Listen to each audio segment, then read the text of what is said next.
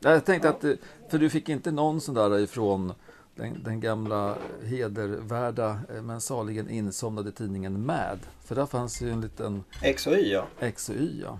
Ja, en av, en av mina vänner har faktiskt kommenterat det med en sån här liten länk till X och Y. Mm, det är kul. Men det var inte därifrån som du fick? Nej. Liksom, nej.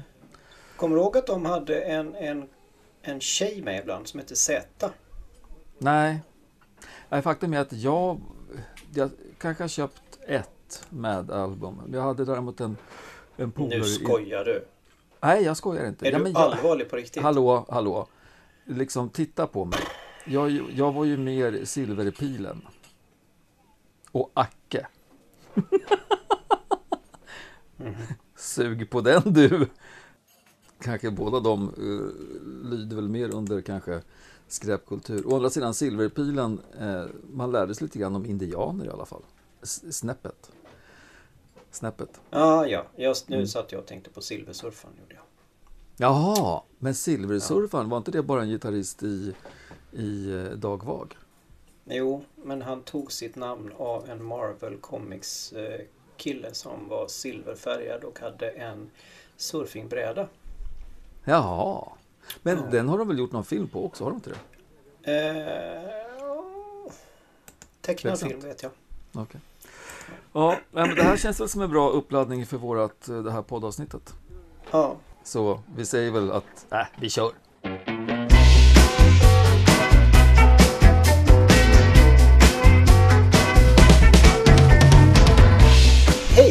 Kära lyssnare och välkomna till det här femte avsnittet av podden X betydelse för Y.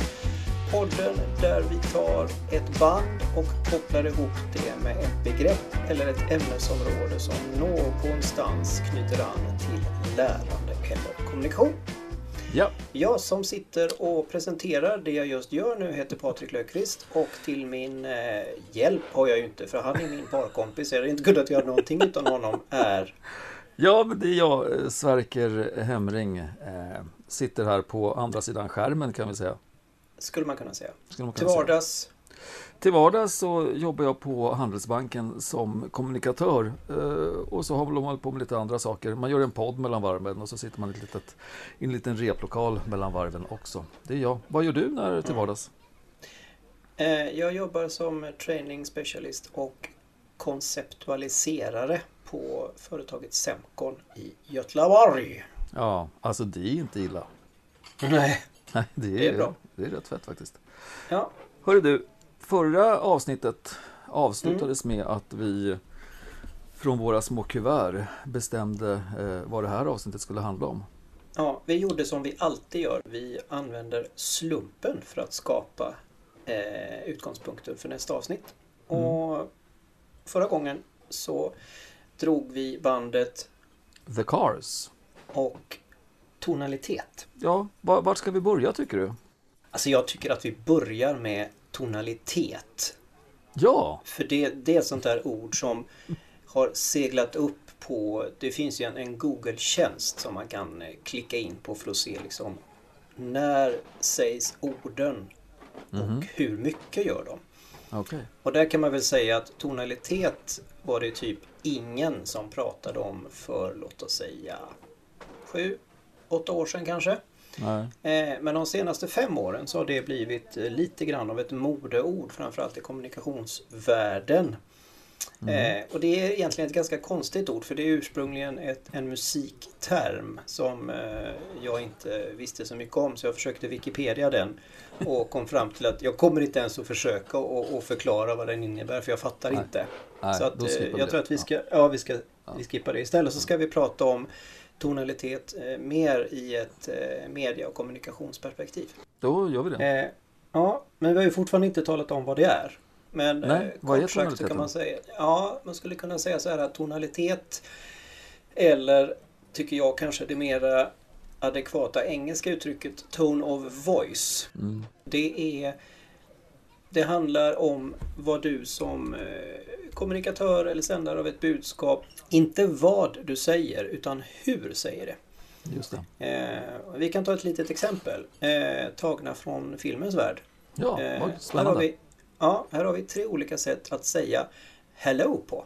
Hello? Hello? Well, hello, Clarice. Och som ni alla hörde så var det ju naturligtvis eh, Woody eller eh, Tom Hanks från Toy Story. Hello? Det var Billy Crystal från City Slickers Hello? och det var den utmärkte Sir Anthony Hopkins från filmen Hannibal. Is this Clarice? Well, hello, Clarice. Alltså uppföljaren till Där lammen tystnar. Mm. Eh, och där, där kan man ju höra att det är ganska olika sätt som man kan säga det lilla ordet hello på. Men bara genom att man gör det så har man någonstans definierat och lagt grunden till väldigt, väldigt mycket inom kommunikation. Mm. Så att eh, tonalitet efter den här otroligt långa inledningen handlar lite grann om hur man väljer att kommunicera ett budskap. Mm. Nej, det, är, det är ju väldigt häftigt vad man kan göra med tonalitet. Och det här var ju tre väldigt tydliga exempel på hur, Mm. alltså med fraseringar, med tonhöjd, med hur man uttrycker sig. Eller, alltså hur, vilken, vilken känsla man kan, liksom, vilken känsla man spelar med och på. Och det, jag tycker det är häftigt också eftersom vi har väl bägge kommit att inse det att det språkliga uttrycket och det musikaliska uttrycket ligger väldigt nära varandra. Så att alltså, tittar man på eh, hur olika musikgenrer, det blir en liten, eh, eh, ett litet inspel till vad vi kommer att prata om idag, Mm. eh, har ju en otrolig olika tonalitet. Även om de kanske sinsemellan inte verkar så väldigt, väldigt olika på ytan så, så är det ju alltså det är ju jätteskillnad. Jag, det jag vet, det jag säger nu, det är självklara saker, jag fattar det. Men det är häftigt för att även, även inom kommunikationen, även inom eh, copywritingen, inom, inom eh, filmvärlden så, så finns det så otroligt mycket Mm. att, att eh, tänka på och fundera kring inom tonalitet. Mm. Och har man bestämt sig för vad man vill säga till sina målgrupper och hur man vill att de ska uppfatta det, då måste man ju också börja fundera på vilken tonalitet man ska ha. Ja, ja visst. Ja, men det, är, det är en väldigt, väldigt, väldigt viktig del i hela kommunikationsdelen. Eh, Ja, så att man ska kunna nå fram med sina budskap på rätt Ja. sätt till rätt folk. Så, Men ja. du, Mm. det här eh, bandet The Cars då, eller Bilarna som de kanske hade hetat om de hade funnits i Sverige. Ja, just det. Eh, Jag är inte så, jag är inte så inkörd på det. Nej. Nej, och det är ju faktiskt, ja, det är ju faktiskt ett av Det mina... gick dig spårlöst förbi. Inkörd på The Cars. Ja, det gick mig faktiskt helt... Det var ju Ja. dåligt. Ja. Ja, lite faktiskt. Det var ju faktiskt, det var ju rätt kul. Ja. Mm. Eh, ja, jag är däremot rätt inkörd på The Cars. Jag, det är ett av mina Mm. favoritband faktiskt. Eh, Mm. Kommer från Boston. Eh, bildades 1976 av eh, Rick Ocasek, eller Rick Okasek. Jag vet liksom inte riktigt hur han uttalar sitt efternamn. Eh, Nej. Benjamin Orr på bas eh, och sång. Eh, Elliot Easton och Greg Hawkes och sist men inte minst David Robinson. Jag ska snart berätta vad de spelar för olika saker också. De, de hade hållit på lite grann tidigare. Eh, bland annat i ett band som heter Milkwood och även ett band som heter Cap and Swing. Men det var, det var först faktiskt när David Robinson, då, trummisen, kom in som det blev The Cars. För han var en Mm. sån Ja, mycket med grafisk design och gillade det här med form och grejer och då hette de alltså Cap and Swing. Och då tyckte Mm. han att det var kanske inte världens bästa bandnamn och eh, föreslog The Cars. Som jag inte heller vet är världens bästa bandnamn, men det var det de andra Nej, det var ju sa. bättre än det förra. Ja, och rätt lätt att liksom eh, köra omkring med på något vis. Ja. Sådär. Så att eh, det roliga med eh, The Cars, det är, det är Rico Kasek då, som är eh, låtskrivaren och en av de två sångarna. Benjamin Orr är den andra sångaren. Men det tog Det, mig... är, det är rätt ovanligt va? Det? Ja, det är ovanligt att ha två liksom leadsångare i ett och samma band. Och det tog Ja. mig ett par år innan jag fattade att faktiskt det är två olika sångare som leadsjunger det hela. Så att eh, det är lite en spännande grej. De kom ju då fram eh, i slutet på 70-talet. Eh, Bilder som sagt var 76, första plattan kom 77. Mm. Det roliga med den är att de hade alltså gjort en demo med nio låtar året innan. som några radiostationer började hårdprångla i Bostonområdet. Och det var så faktiskt som skivbolagen, eller ett skivbolag då, upptäckte The Cars och signade dem och gav ut då den första plattan som är självbetitlad The Cars. Mm. det. Det, det gick ganska bra va? Ja, det gick, det gick bra eftersom de hade ju redan fått en, en rätt eh, schysst publik på de här demolåtarna som, Mm. eh, som då hade spelats av eh, ett gäng radiostationer. Och eh, de, eh, de smashade rätt ordentligt eh, med sitt lite eh, gitarrbaserade eh, fast ändå keyboardbaserade eh, sound. Väldigt slickt, välproducerat. Nej, jag håller med dig. Det är som du säger, det är väldigt snyggt.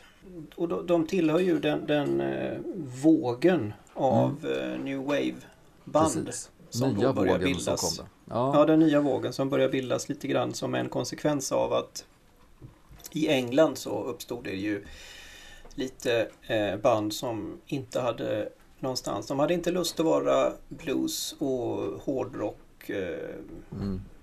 de hade heller inte lust att vara punkare. Och Nej. så att man skulle väl kunna säga att det var punkare som eh, faktiskt började lära sig spela ordentligt. Ja, och som, Som började få, den. ja, få till det här med melodier eh, ordentligt. Ja, Eh, Elvis Costello är ju känd, eller är ju ansedd att vara en av de eh, första eh, New Wave-artisterna.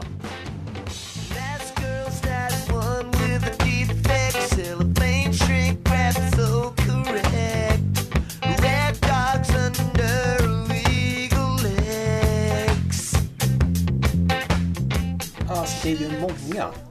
Det, det är ju Blondie, The Knack, eh, XTC, The Go-Go's, alltså Men at Work, The Police. Alltså det är jätte, jättemånga. Talking Som- Heads som ska vi inte glömma. Talking Heads är det. Och faktum är då att The Cars såg ju som ett av de stora New Wave-banden i, i USA. Eh, Ja. Man brukar ju säga att, eh, och det sa du också, att eh, New Waven började eh, sina, sina första fotsteg, det var ju i, i England. Ja, det Men, eh, och de, ja, jag tycker också att det var lite coolt att de på något sätt klarade av det som varken rocken eller punken klarade av. Det är att man började plocka in diskon och modsinfluenserna och även då den elektroniska musiken i och med att man helt plötsligt så fick synten en, eh, en av huvudrollerna i, i bandet. mm. Eh, Jag Ja. tänkte att vi skulle ta och börja lite med några smakprov på vad som är New Wave. ja Bara så spännande. att man får en, en liten eh, doft av det.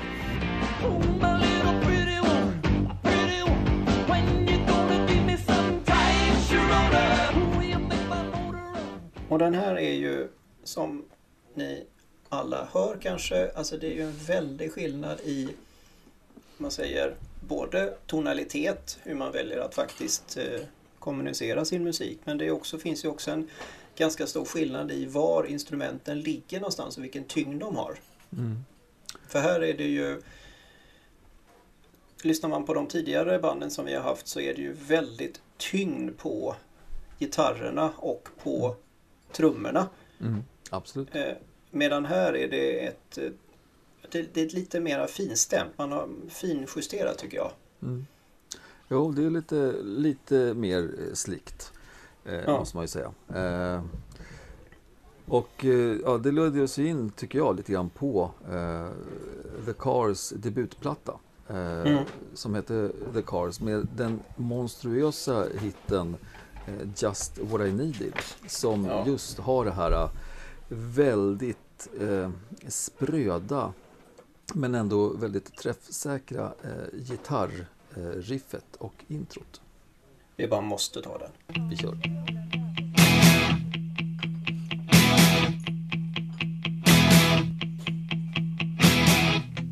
I don't mind coming here, wasting all my time. Cause when you're standing oh so Ja, det är bra. Det är Ja. jättebra. Eh, Nej, men det, det är så, så...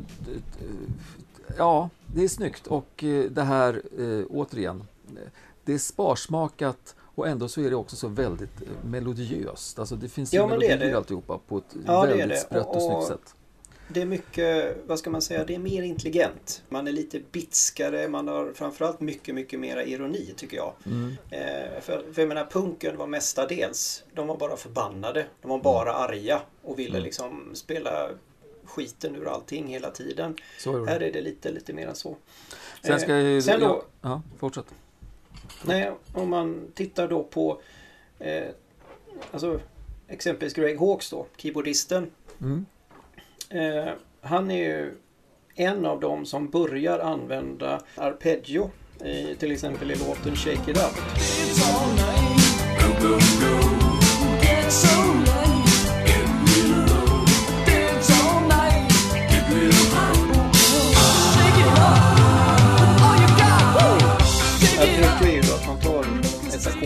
Så bryter man upp det och så spelar man över en större del av sitt klaviatur vilket innebär att du får ju väldigt mycket det blir ett mycket fylligare ljud och du kan liksom använda tonerna i ackordet på ett sätt som, som kanske återigen då eh, bluesen eh, inte hade gjort eh, Nej. så väldigt mycket. Nej. Eh, eh, having said that så finns Yes. det en kille som är ganska duktig på att inom hårdrocken använda arpeggio. Eh, och det är ju våran vän eh, och jag bara säger att jag skulle vilja plocka in honom och droppa honom här för vi kommer aldrig Ja. ha med honom därför att vi aldrig haft med någon av hans låtar i våra Ja. eh, spellistor tidigare. Men Okej. det är alltså Yngwie Malmsten. Ja. Eh, Han har faktiskt gjort en liten bit som heter Arpeggio from Hell.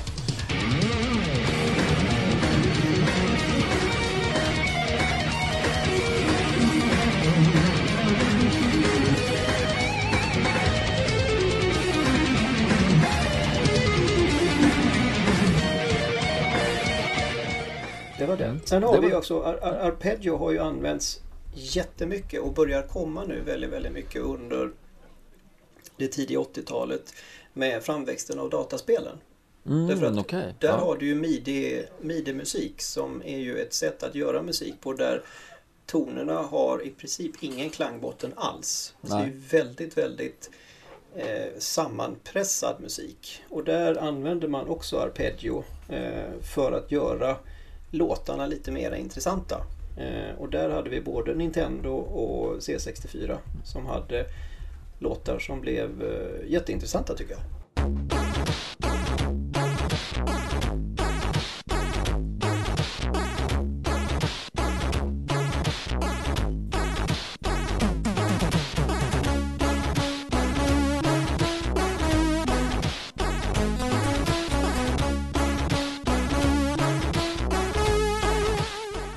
Men det är ju urspännande och just det här att man utgår ifrån då eh, ett ackord och, och gör melodierna på. Snacka om tonalitet. Alltså, Ja, det är tonalitet. vilk, vilken fin koppling.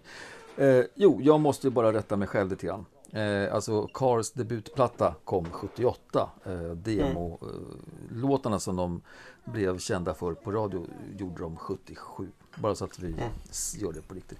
Precis, det här var det första felet som jag har gjort i den här podden. Vi har aldrig sagt något fel tidigare. Inga faktafel. Nej, men just när det gäller The Cars så är det lite viktigt för mig att det ska faktiskt ändå vara rätt. Rätt ska vara rätt. Men du, vi har ja. ju eh, eh, Elliot Easton då. Gitarristen. Yes. Mm. Vem är han? Eh, han är, eh, ja, till en början så är han en vänsterhänt eh, gitarrist. Han kom då in med Ben Orr och Rick i det här Cap and Swing som då sen eh, blev The Cars. Han är ju en fascinerande melodiskt eh, duktig harmonigitarrist. Alltså han, han gör eh, gitarrsolon och kompar som Alltså, det handlar inte om att vara snabbast i stan eller att göra ballast grejer. Det handlar om att göra melodiösa, liksom snygga slingor som är bara det bara sitter. Det sitter som en smäck en vilken söndag morgon som helst. Alltså det är, det är löjligt vad musikalisk han är. Eh, och det är, ja, han, alla de här eh, fem killarna i det här bandet också. Vi har pratat om, det här, om, om hur duktiga eh, musiker eh, våra band som vi har snackat om tidigare, hur, hur duktiga musiker de har varit och det har vi här också. De är väldigt duktiga på sina instrument. Greg Hawkes som du nämnde med, med keyboard, han är inte bara keyboardkille, han lirar saxofon, han lirar eh, sån här banjo, han lirar mängd olika instrument. Eh, Benjamin Orr eh, är ju sångare men också basist. Eh, kan också spela, han lirar, har lirat trummor, han lirar gitarr. Alltså Rick Okasek lirar allt möjligt också, fast han kanske mest på maskin bortsett från då eh, gitarr. Liksom. Han s- programmerar mycket i slutändan också. Och sådär. Så att, väldigt duktiga. Eh, den enda som kanske bara spelade ett instrument det var David Robinson. Å andra sidan så stod ju han då för formgivningen och designen av hur de såg ut, hur skivomslagen såg ut. Och det är ju någonting, eh, The Cars debutplattas skivomslag är ju man kan ju tro att det är liksom ett photoshoppat, att man har klippt och klistrat och sådär. En, en tjej med världens bredaste leende, med världens rödaste läppar som bara är glad, som sitter bakom en, en ratt. Men nej, det är fotograferat på riktigt med alla konstens då tillbudstående medel, liksom 1977. Så det, Ja. Och igen, det är väldigt, det är väldigt snyggt. Det är väldigt slick. Det är, alltså det är, det är luftigt, flyktigt, eh, jävligt genomtänkt. Mm. Eh, för alla er som sitter med anteckningsblocken och noterar nörderier också kan man ju berätta att eh, eh, Elliot Easton, alltså gitarristen, han har ju faktiskt eh, gjort en specialbyggd Gretsch-gitarr mm, som heter Elliot Easton Signature. Mm. Eh, så.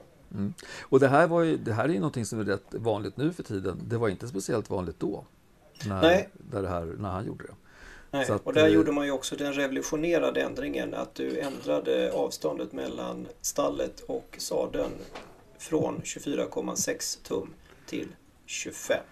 Ja, alltså det här, nu, det här vi, vi pratar ju om väsentligheter här. Ja, det här ja. Alltså, ja, jag är glad att du tog upp det här.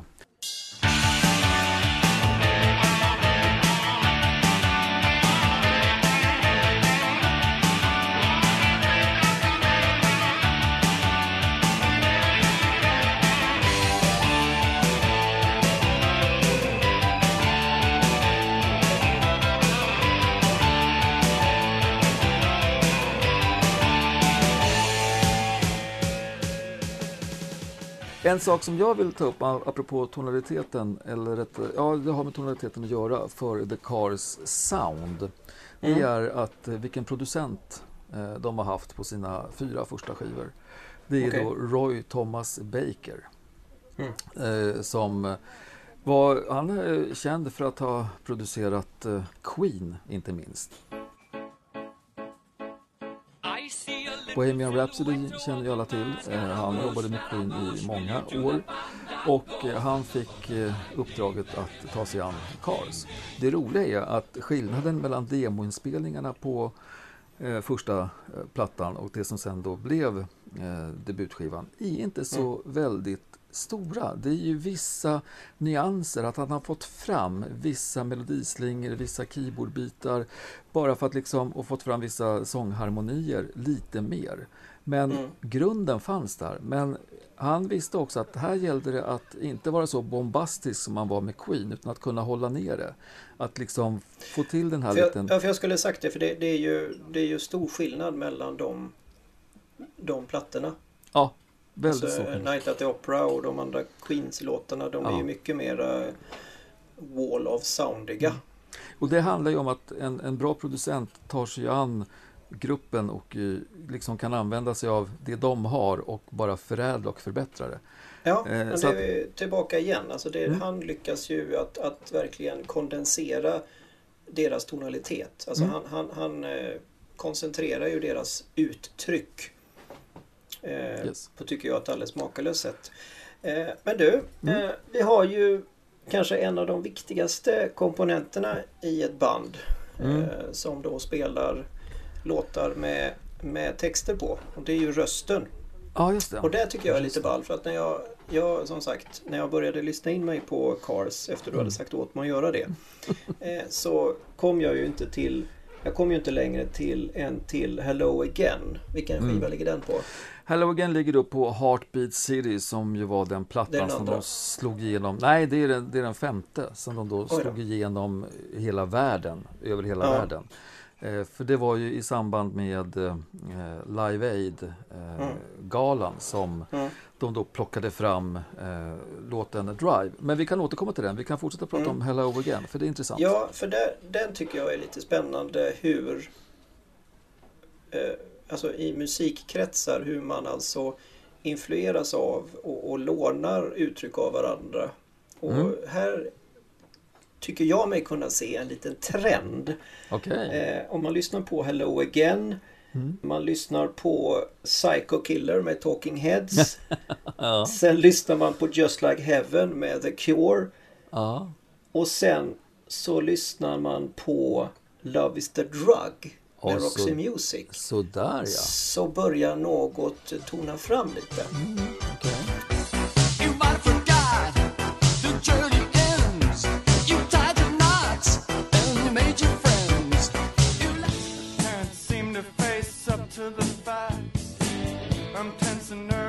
And I can't relax. Can't sleep cause my bed's on fire. Don't touch me, I'm a real live wire.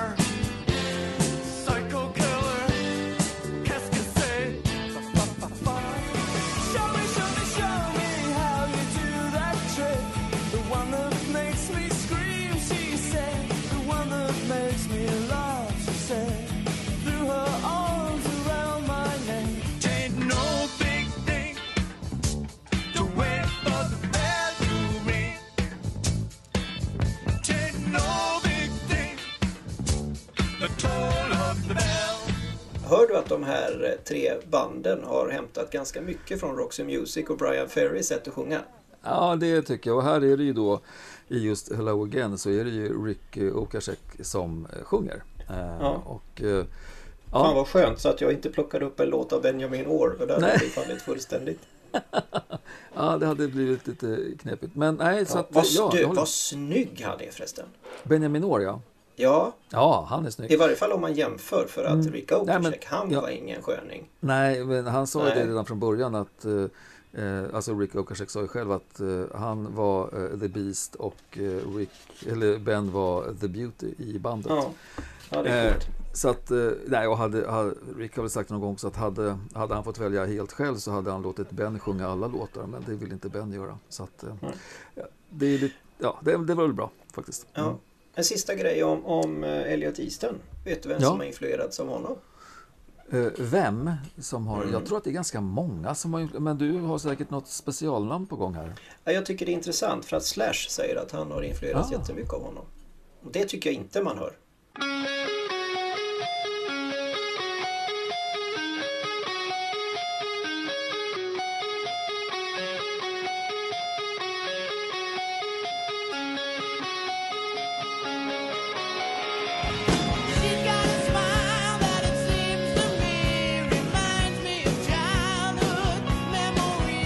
Men om man lyssnar, alltså Slash är ju en, han är ju en, han är en melodisk eh, sologitarrist också. Skulle Ja, jag det är han. Det är väl mest alltså, bara det att de Sweet Child of annan Mine, musik. solot går ju, ja, det är ju ett av världens bästa.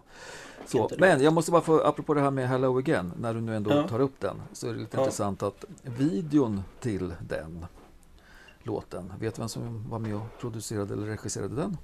Hit me. Andy Warhol. You should just tell me the words and I can just repeat them because I can't. Uh, uh, it's. Uh, I can't. I'm, I can't. I'm so empty today. I can't think of anything. Det är ju lite kul.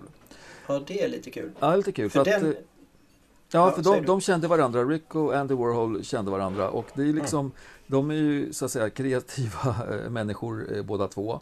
Eh, och lite, lite egna. Så att det var ju kanske inte speciellt konstigt. Andy Warhol är dessutom med i videon till Hello Again. Själv Mm. som en cameo. Det är ju också en väldigt, väldigt ironisk video. Alltså när Ja, de sitter och har sådana här låtsas eh, program där ungdomar får berätta att ja, det är ju bara våld och sex numera. Eh, och så kommer den. Ja, det är jättesnyggt. ja, är. Och sen tycker jag bara en, en sån liten tonalitetsgrej. Att, eh, att ha första låten på den eh, femte skivan då, då som de kom med, som heter Heartbeat City. Så heter första låten och börjar med Hello Again. Och den börjar ju precis Mm. så med att de, de sjunger, eller att det låter Hello Again. Det tycker jag. Det är, rätt, Ja. det är lite kul alltså. Det, det är det här ironiska, lite det här som hela den här New Wave-biten var. Även om de kanske hade kommit ur New Waven just då. Mm. Mm. Eh, men du, tillbaka till Ja. New Wave. Jag tycker det är spännande. Det, Ja. För det, det är sånt där... Jag är inte så vansinnigt eh, duktig på musikhistoria eh, och sådär. Men det, Mm. det är ju lite häftigt att jag har gått och lyssnat på så himla mycket New Wave utan egentligen vetat om det. Ja, För jag menar, den, den kommer sent 70-tal, början 80. Vi har lyssnat på Mm. den Echo och My Sharona. Mm.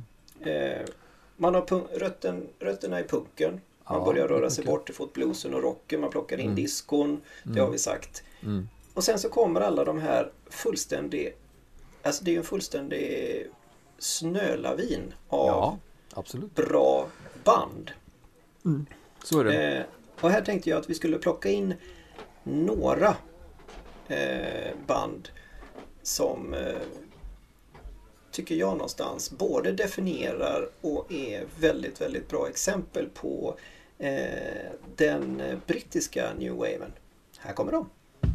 I saw you standing on the corner. You look so big and fine. I really wanted to go out with you. So when you smiled, I laid my heart on the line.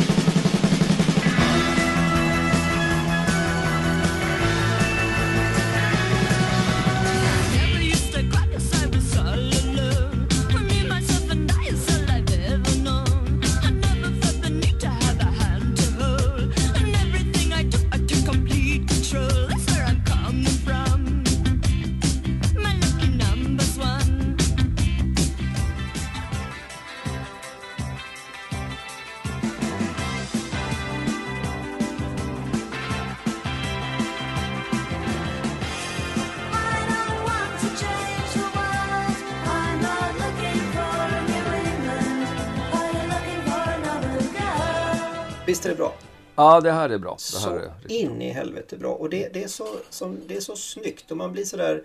Man går lite två centimeter ovanför marken när man lyssnar på det tycker jag. Det är skitbra. Ja, det är häftigt. Eh, En liten... Och sen är det... Ja, Ja. får jag bara ställa... Jo, men så här. Det finns, eh, finns egentligen bara ett band i Sverige som betraktas som ett New Wave-band. Vet du vilket det är? Nej, Nej. vilka är det? Det är Lustans Lakejer.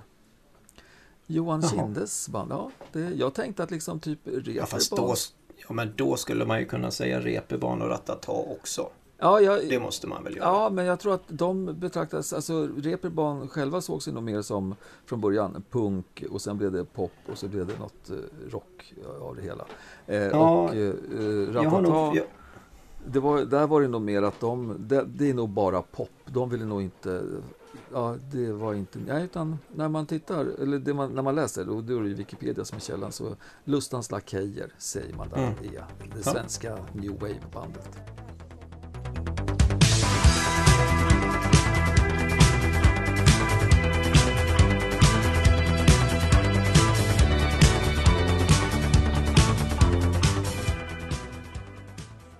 för, för jag skulle säga att de, eh, det var kul att du sa dem. För Mm.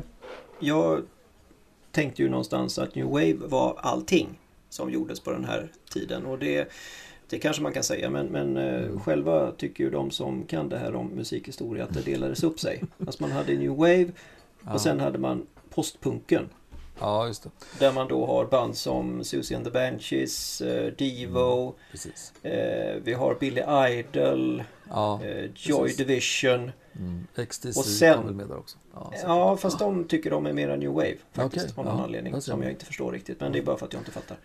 Och sen då ledde detta i sin tur. För nu, Ja. det är nu det börjar liksom Nu, nu börjar det grena upp sig för mycket om det inte har varit ett bekymmer tidigare. Detta börjar då sen då leda in till New Pop. Alltså Mm. typ synt. ja, Human men League, precis. Ja. ABC, Pretenders och så Mm. vidare. Och sen är åtminstone jag helt lost. Ja, men det, då tänker jag så att den New Waven, den höll ju inte på speciellt länge. Det var en transitions... Det var som en övergångsfas nästan bara. Ja, Från eh, punken och det som var då. Och sen så omformade Och sen blev det då det här, eh, liksom, det som blev pop, liksom i, i det här lite synt-pop-aktiga. För att det som ändå New Waven har och som du visade både med The Nacon som vi, liksom hela The Cars eh, diskografi handlar om så är det ju mycket gitarrer fortfarande. De här Ja, andra banden som kommer sen, då är det ju ja, Depeche Mode och, och liksom Human League och det här, då är det ju verkligen bara syntbaserad popmusik. Liksom. Ja, det är det. Då är det någonting, då är det någonting annat. Helt klart så. Ja, nej Eh, men, eh, men, men alltså The Cars är ju, de är ju USA-baserade. ja, väldigt USA-baserade. Ja. Och de eh, gick väl igång på grund av att den här andra brittiska invasionen då skedde Mm. eh, av eh, engelsk musik. Ja. Första var ju när Beatles och Stones och Kings och Who Ja, drog över 64-66 någonstans. ja, just.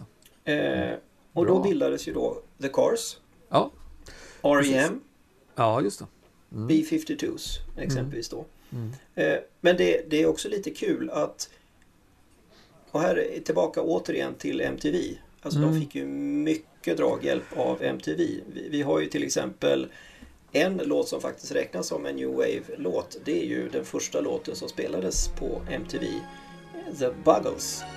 Ja, Video Killed the Radio Star. ja. I heard you on the wireless back in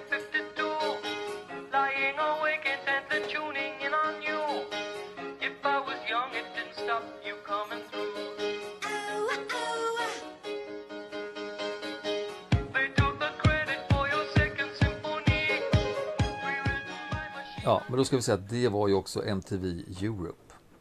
När de Ja, drog igång. men det, är det, ja, men det är det som jag vill komma till. Att MTV Europe Mm. gjorde det möjligt för den engelska New Waven att dra över till USA. Därför att de fick Mm. inte liksom huvudet runt det här med video. Så att de släppte inte så himla mycket. Vilket gjorde att independent labels Mm. med New Wave-band sålde bättre än de banden som låg på de här stora eh, ja. eh, märkenas bolag. Så det är lite coolt. Ja, det där är väldigt intressant. Jo, nej, men Ja. du har helt rätt. Alltså, det är ju så här att eh, The Cars var ju också väldigt produktiva, bara för att återkomma till dem lite grann här nu då. Mm. Eh, de gjorde ju alltså eh, fyra eh, plattor inom loppet av eh, lika många år, typ.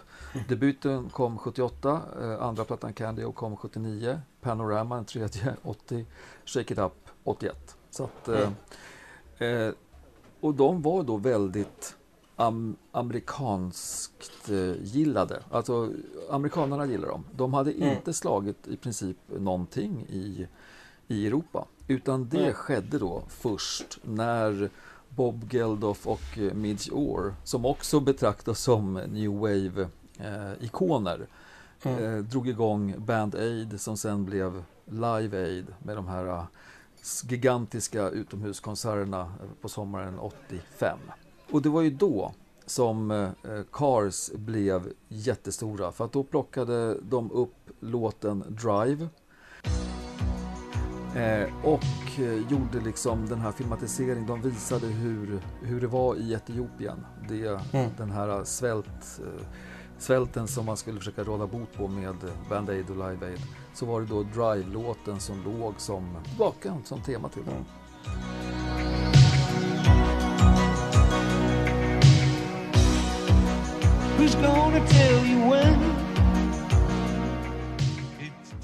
Så att Cars fick så också då tillfälle att eh, lira i Philadelphia. Eh, Nu är det som så i ärlighetens namn att The Cars är inget och var inget bra liveband. De var ett mycket Nej, Ricky gillade inte att spela Nej, Ricky gillade han, han tyckte det var svårt. Han tyckte det var svårt. Eh, med, med live. Han ville, han ville göra låtar i studio och eh, koncentrera sig på liksom, skapandet och processen att göra låtar där. Men det var då de blev riktigt grynstora. Eh, sen Mm. är det roligt då, Drive var ju också den eh, låten som eh, man gjorde en, en video som faktiskt Timothy Hutton, skådisen och reg- regissören, regisserade den. Och till den videon så plockade man då Paulina Poritskova. Och eh, eh, i samband med den här videoinspelningen då till, till Drive så fattar då Paulina och Rick väldigt mycket tycke för varandra. Se där, tycke Trots- uppstod alltså. Ja, trots att Rick då var, var gift eh, redan. Men eh, det, det där löste de på något bra vis för att sen har då Paulina och Rick eh, levt eh, tillsammans, fick ett, eh, ett eh, gäng ungar, eller två stycken, och eh, bott och varit, gifte sig. Men låg väl i och för sig i, i separation och till och med i skilsmässa när Rick dog i höstas. Men eh, Mm. så var det. Eh, Nej, men det var, det, så det blev väldigt mycket med The Cars och för The Cars där när Heartbeat City-plattan kom. Eh, Drive släpptes som video, fick, blev då temat för den här eh, Etiopien-filmen för Live Aid. Då drog det ju verkligen iväg för dem. Mm. Men det roliga är ändå att det här med turnerandet då, då de eh, kom till England och gjorde några konserter efter Heartbeat City-plattan. Men that's it. De var Mm. aldrig någon annanstans i Europa och spelade. Lite grann då om, för jag, vill bara höra lite Mm. hur du ser på det. På vad? Hur känner du att tonaliteten i Cars skivproduktion har förändrats under åren? Eh, ja, Där fick du. där fick jag någonting att verkligen bita i. Nej, men jag, jag känner ändå så här. Hans tonalitet vet jag inte om den har förändrats så väldigt mycket. Däremot så tycker jag att producenterna har ju satt sin ton på det ganska mycket. Roy Thomas Baker har vi nämnt. Eh, han som producerade den här, eh, den som blev deras stora platta för resten av världen, alltså Heartbeat City, det var ju då Robert, Robert Mutt Lange. Mm. Som då senare, på senare år blev väldigt stor med Shania Twain som även väl blev hans eh, fru. Men han har ju då Mm. producerat AC/DC eh, och andra alltså stora eh, rockband och gjort det här liksom arena rockskapande som då även Heartbeat City-plattan är. Så där blev det ju en helt annan typ av tonalitet där man verkligen vände sig till de stora massorna på ett annat vis jämfört med de fyra första plattorna med Roy Thomas Baker där var det här lite mer eh, lite smartare, lite mer melodiorienterade fastän lite mer nerskalat. Liksom. Lite Mm. plonkigare ljud kan man Mm. tycka, men väldigt lite smartare. Så att jag, mm, det är väl den, jag vet inte om det var något vidare bra svar på frågan om hur deras tonalitet alltså, har förändrats. nej, men det var väl egentligen bara för... Alltså, du och jag har ju jobbat mycket med många olika saker inom, inom kommunikation och media. Och, och just det här att, att hitta ett uttryck som är igenkännbart, som man kan använda, som folk uppskattar och som du faktiskt kan behålla lite, lite grann eh, oförvanskat över tid. Mm. Alltså, för, lyssnar du på, sätter du på en Cars-låt så hör du att det är dem. Ja, det gör man. Det är samma, sätter du på en Peter LeMarc-låt så hör du att det är han. Sätter du på en Bowie-låt så hör du att det är dem. Eller att det är Bowie. Ja. Oavs ö, samma... Det finns ju många grupper som inte har den... Riktigt, eh, ja. Nej. Nej, alltså de har inte det uttrycket som kanske inte... De lyckas inte hitta någonting som både kan förhålla sig nu, nu och över lång tid. Nej. Och det tycker jag är så jävla häftigt med att Car faktiskt gör. Mm. Eh, Och- Nej, men jag håller med. Och samtidigt är det så att här är de, de har två, eh, s- inte solosångare, lead, leadsångare. Eh, Benjamin Noor som har en mycket mer varm och melodisk röst. Han, han är ju Mm. en bättre sångare. Och Rick som har en lite mer nasal och det är liksom, det är ett helt annat typ av uttryck. Och ändå så hör man direkt, oavsett vem det är av dem som sjunger, att det är The Cars. För att det är inte bara i sången som det sitter, utan det sitter i hela arrangemanget och hela liksom låtbilden med en tydlig kompgitarr som Rick har med en melodisk eh, eh, Elliot Easton som kör eh, lite solo eller melodigitarr eller andra kompvarianter som gör att det blir melodi av alltihopa. En trummis som har ett... Han, David Robinson lirar ju trummor som inte vem som helst heller. Han, han använder sig mycket av, av puker i liksom själva i kompet för att liksom, accentuera en, en refräng så lirar han på, på hängpuker. Vi kan, vi kan lyssna på en låt från eh, första plattan som symboliserar det. Yes. kör. Don't you stop, don't you stop, don't you stop, don't you stop. If you feel good. Don't you stop, don't you stop, don't you stop, don't you stop.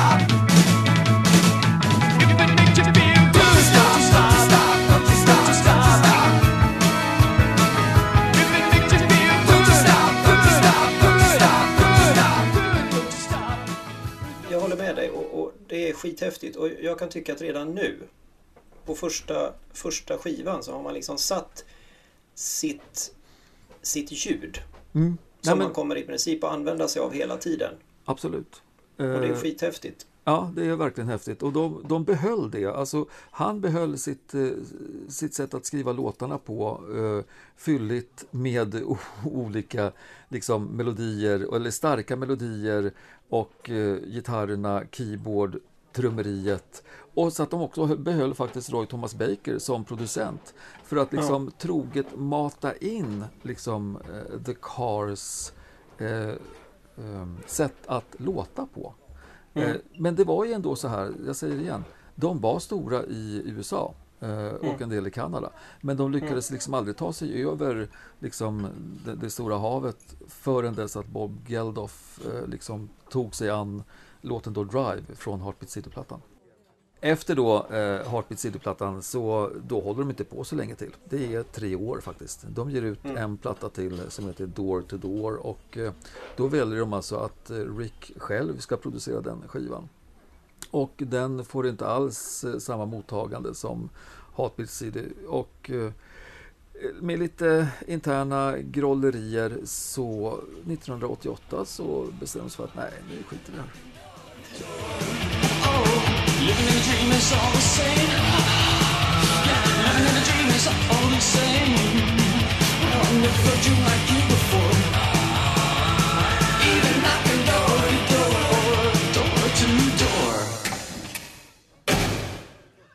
Men du, eh, ja, tonaliteten med The Cars. Mm. Eh, får jag bara komma tillbaka lite grann till faktiskt då tonaliteten för kanske då eh, Rick Ocasek. För han har ju då, han är ju låtskrivaren i The Cars, det har jag sagt hur många gånger som helst nu. Han har ju även producerat andra band.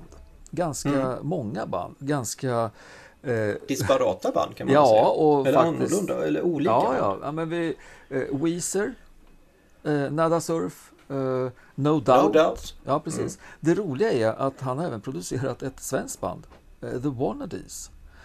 Eh, de Wannadies. Wannadies. Wannadies heter de, ja det har du rätt i. Ja. Eh, jag tror inte ens att de eh, existerar längre, eller det kanske de gör, jag ska inte säga någonting, det har jag inte kollat upp. Men Nej. de producerar han. Eh, Bad Religion. Och Bad Religion, det var ju ett sånt här band när de kom fram, det var ju liksom den nya typens eh, punk, amerikanska punkband.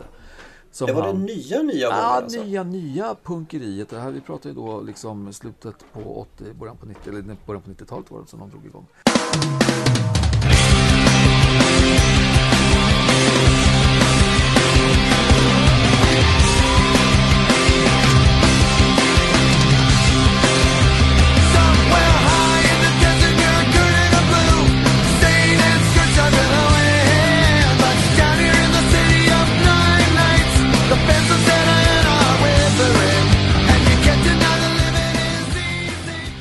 Han, eh, som du sa, rätt eh, stor eh, bredd på sina Ja. band som han då har producerat.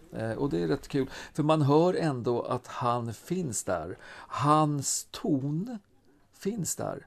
Eh, Hans tonalitet. Ja, hans tonalitet. Jo, men framförallt den här på den No Doubt-plattan som han då eh, som den här Hello, Hello Baby tror jag plattan heter. Så har han gjort Ja. två låtar, eller producerat två låtar och man Ja. hör direkt att det är han som eh, sitter vid spakarna och producerar. För det, är, det finns eh, The Cars feeling i alltihopa. Det är rätt häftigt.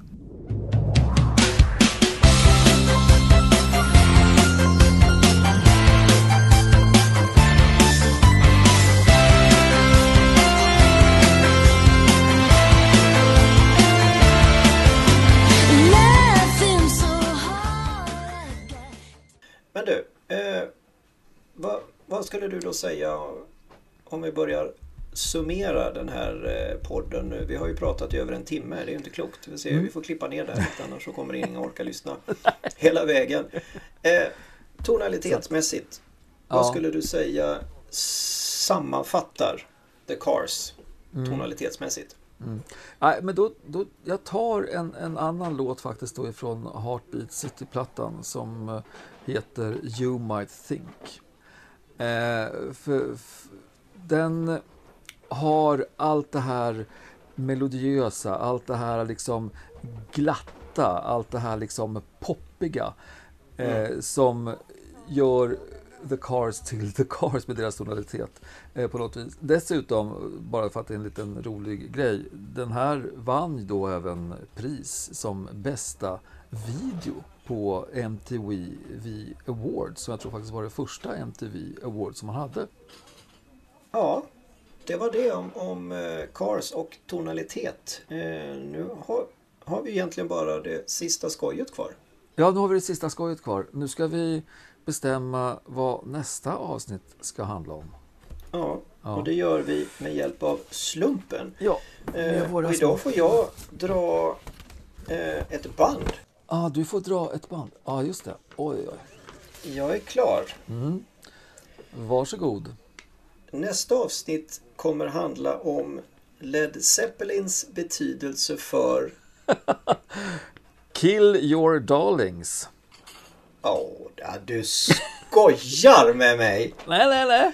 Det är Kära vänner, det här avsnittet har varit lite drygt en timma. Eh, Ja. Ställ in er på, alltså ta nästa gång ni lyssnar på oss eh, så kommer det här avsnittet då att vara en eh, liten vindpust. Vi, kom, vi kommer hålla på och prata i sex timmar om Led Zeppelin tror jag. Det Ja, finns vi- så mycket att säga. Ja, och vi- om Kill Your Darlings, herregud. Ja, vi får se till. Det är nog dags att beställa den där extra hårddisken nu så man kan koppla in så att vi får plats med allting.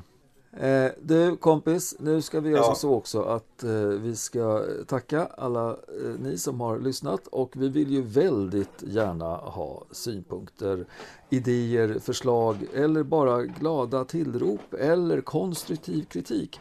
Ja, absolut. Det, det är jättekul. Ja, vi ser, ja, Ja. det är, varje liten kommentar, varje litet gillande vi får, alltså det är så härligt.